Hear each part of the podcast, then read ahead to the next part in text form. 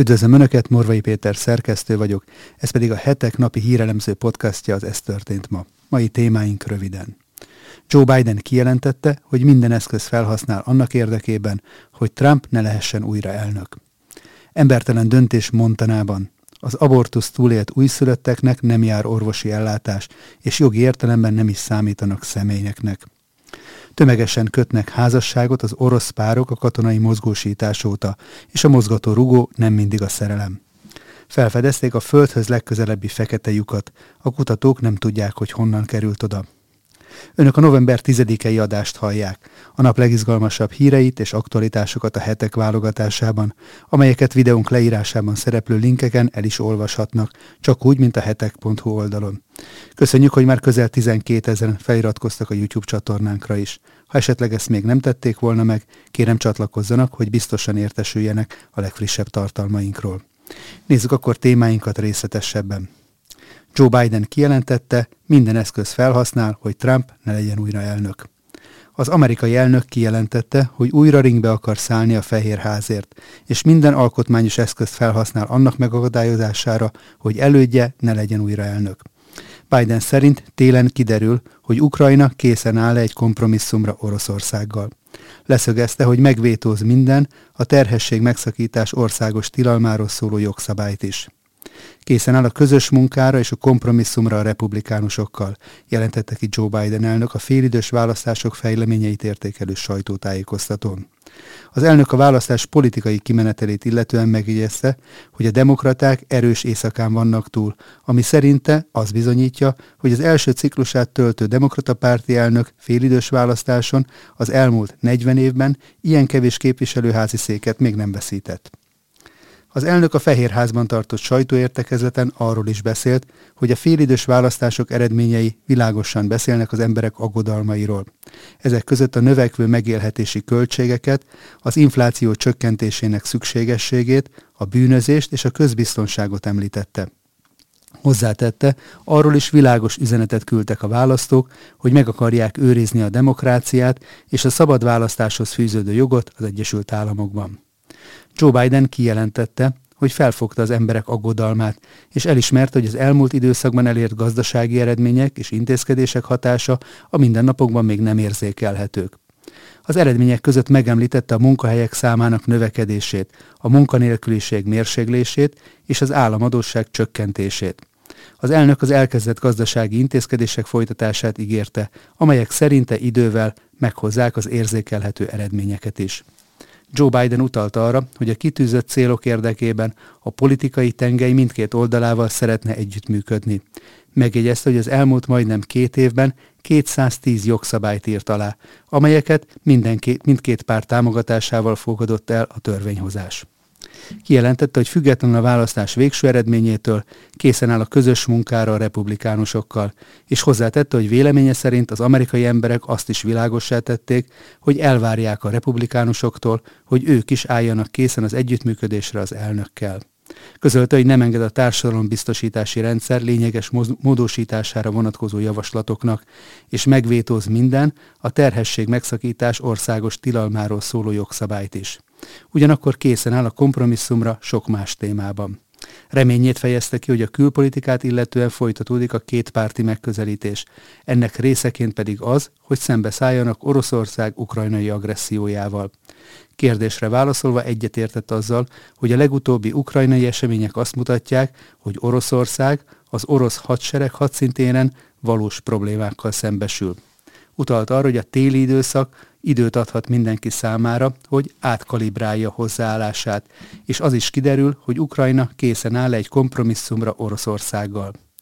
A republikánusok képviselőházi vezetőjének Kevin McCarthy-nak közelmúltbeli szavaira reagálva, miszerint a republikánusok egy törvényhozási többség esetén nem hajlandóak Bianco csekket az elnök kezébe adni Ukrajna támogatását illetően, Biden megjegyezte, bízik abban, hogy sikerül módusz vivendit kidolgozni az együttműködésre. Ugyanakkor úgy vélte, hogy a Bianco csekről eddig sem volt szó, hiszen Ukrajnának szállított katonai eszközök felhasználási körének feltétele, hogy azokat Ukrajna csak saját területének védelmére alkalmazhatja. Arra a kérdésre, hogy mit gondol Donald Trump esetleges újraindulásáról az elnök jelöltségért, Joe Biden kijelentette, hogy minden alkotmányos eszköz felhasznál annak megakadályozására, hogy elődje ne legyen újra elnök. A saját újraválasztási terveivel kapcsolatban megerősítette, hogy szándéka az újraindulás, ám hozzátette, hogy erre a kérdésre a jövő év elején fog visszatérni. A választással kapcsolatos elemzéseink YouTube csatornákon hallgathatók meg, a leírásban szereplő linkeken. Embertelen döntés Montanában. Az abortusz túlélt újszülötteknek nem jár orvosi ellátás, és jogi értelemben nem is számítanak személynek. Montan államban egészen hátborzongató döntés született a héten lefolytatott népszavazáson. A szavazó polgárok többsége megszavazta, hogy az abortusz túlélő és azután világra jövő újszülötteknek ne járjon orvosi ellátás, és jogi értelemben ne is tekintsék őket személyeknek.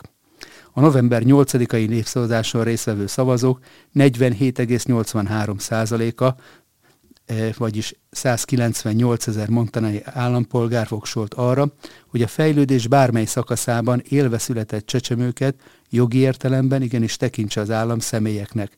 Továbbá arra, hogy a sikertelen abortusz ellenére élve született csecsemőknek is járjon orvosi ellátás. Azokra pedig, akik megszegik a hatályos rendelkezéseket, akár 50 ezer dollár pénzbüntetést és vagy akár 20 év börtönbüntetést is ki lehessen szabni.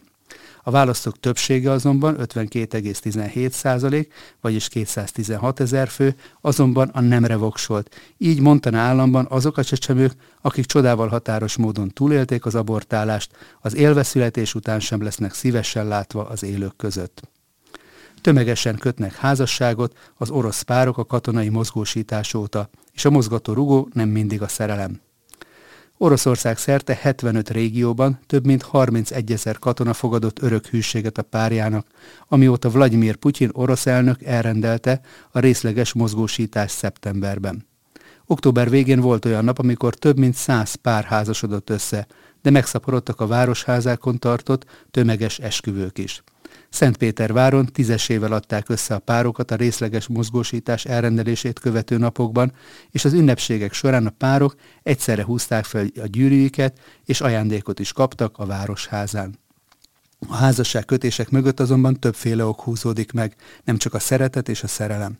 Azoknak a nőknek, akiknek a berendelték a párjukat, a férfiak halála esetén nem járna a 114 ezer euró értékű, vagyis 45 millió forintos kormányzati támogatás.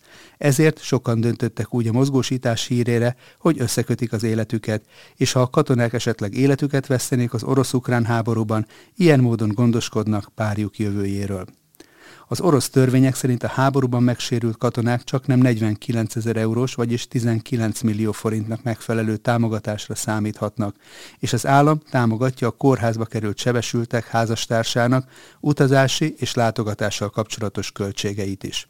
Sokaknak az orosz-ukrán háború miatt változott meg a házassággal kapcsolatos véleménye. Tatjana Neustoreva és Piotr Koljadin például már évtizedek óta ismerik egymást, és két éve együtt is élnek, de a nő egészen eddig nem akart összeházasodni, mert csak formaságnak tartotta. Koljadin viszont teljesen másként gondolkodik a házasságról. Nekem úgy tűnik, hogy egy világszintű apokalipszissel állunk szembe, és a házasság egy olyan horgony, amit előre dob az ember, és ez talán valahogy kihúzza őt. A káosszal teli világban olyan ez, mint a rendszigete, mondta a férfi. Mások azért házasodtak össze, mert csak így tudtak együtt külföldre menekülni a háború és a mozgósítás eről. Kirill és Katya Goroddi nem értett egyet Ukrajna megtámadásával, és tisztában voltak vele, hogy ha nyíltan találkoznak, akkor akár tíz éves börtönbüntetésre is ítélhetik őket. Az orosz törvények alapján viszont a házaspárokat megilleti az a jog, hogy látogathassák egymást a börtönben is, míg ez a lehetőség a nem házaspárok számára nem áll fenn. Kátyának végül külföldön ajánlottak munkát, de Kirill nem hagyhatta volna el vele az országot, ha nem házasodtak volna össze. A pár Georgiában kötötte össze az életét. Elmondásuk szerint azért döntöttek a házasságkötés mellett, mert a bizonytalanságok közepette legalább így tudjuk, hogy egy család vagyunk, mondták. Felfedezték a földhöz legközelebbi fekete lyukat. A kutatók azonban nem tudják, hogy hogyan került oda. Csillagászok felfedezték az eddig ismeretek szerint a Földhöz legközelebb eső fekete lyukat, amely 1600 fényévre található bolygónktól. A fekete lyukat eredetileg az Európai űrügynökség Gája űrszondájának segítségével azonosították, közölte Karem El Badri kutató. Eleinte a fekete lyuk társcsillagának mozgását figyelték meg, amely a fekete lyuk körüli pályán kering körülbelül ugyanakkor a távolságban, mint amekkorára a Föld van a naptól. El Badri és csapata ezután a Hawaii Gemini Obszervatóriumból folytatta a munkát. A kutatás megerősítette őket a fekete lyuk felfedezésének tényében, amelyről a londoni királyi csillagászati társaság havonta megjelenő tudományos folyóiratában számoltak be. A kutatók egyelőre nem tudják megállapítani, hogy a fekete lyuk hogyan jöhetett létre a tejútrendszerben. Az űrobszervatórium után Gaia B7 egyre keresztelt kozmikus jelenség a kígyó tartó csillagképen belül helyezkedik el. Nos, ennyi fér be mai ajánlónkba. Morvai Pétert hallották az Ez történt ma, november 10-i adásában. Holnap újra várom Önöket aktuális hírekkel, ajánlókkal, és hogyha szeretnének ezekről biztosan értesülni, akkor kérem iratkozzanak fel a hetek YouTube csatornájára, ahogyan ezt már közel 12 ezeren meg is tették, amit ezúton is nagyon köszönünk akik pedig szeretnék támogatni a hamarosan 25 éves évfordulójához érkező hetek elemző világértelmező munkáját, a leírásban szereplő linken találhatják meg az ehhez szükséges információkat. Köszönöm megtisztelő figyelmüket, további szép napot kívánok mindenkinek, a viszonthallásra.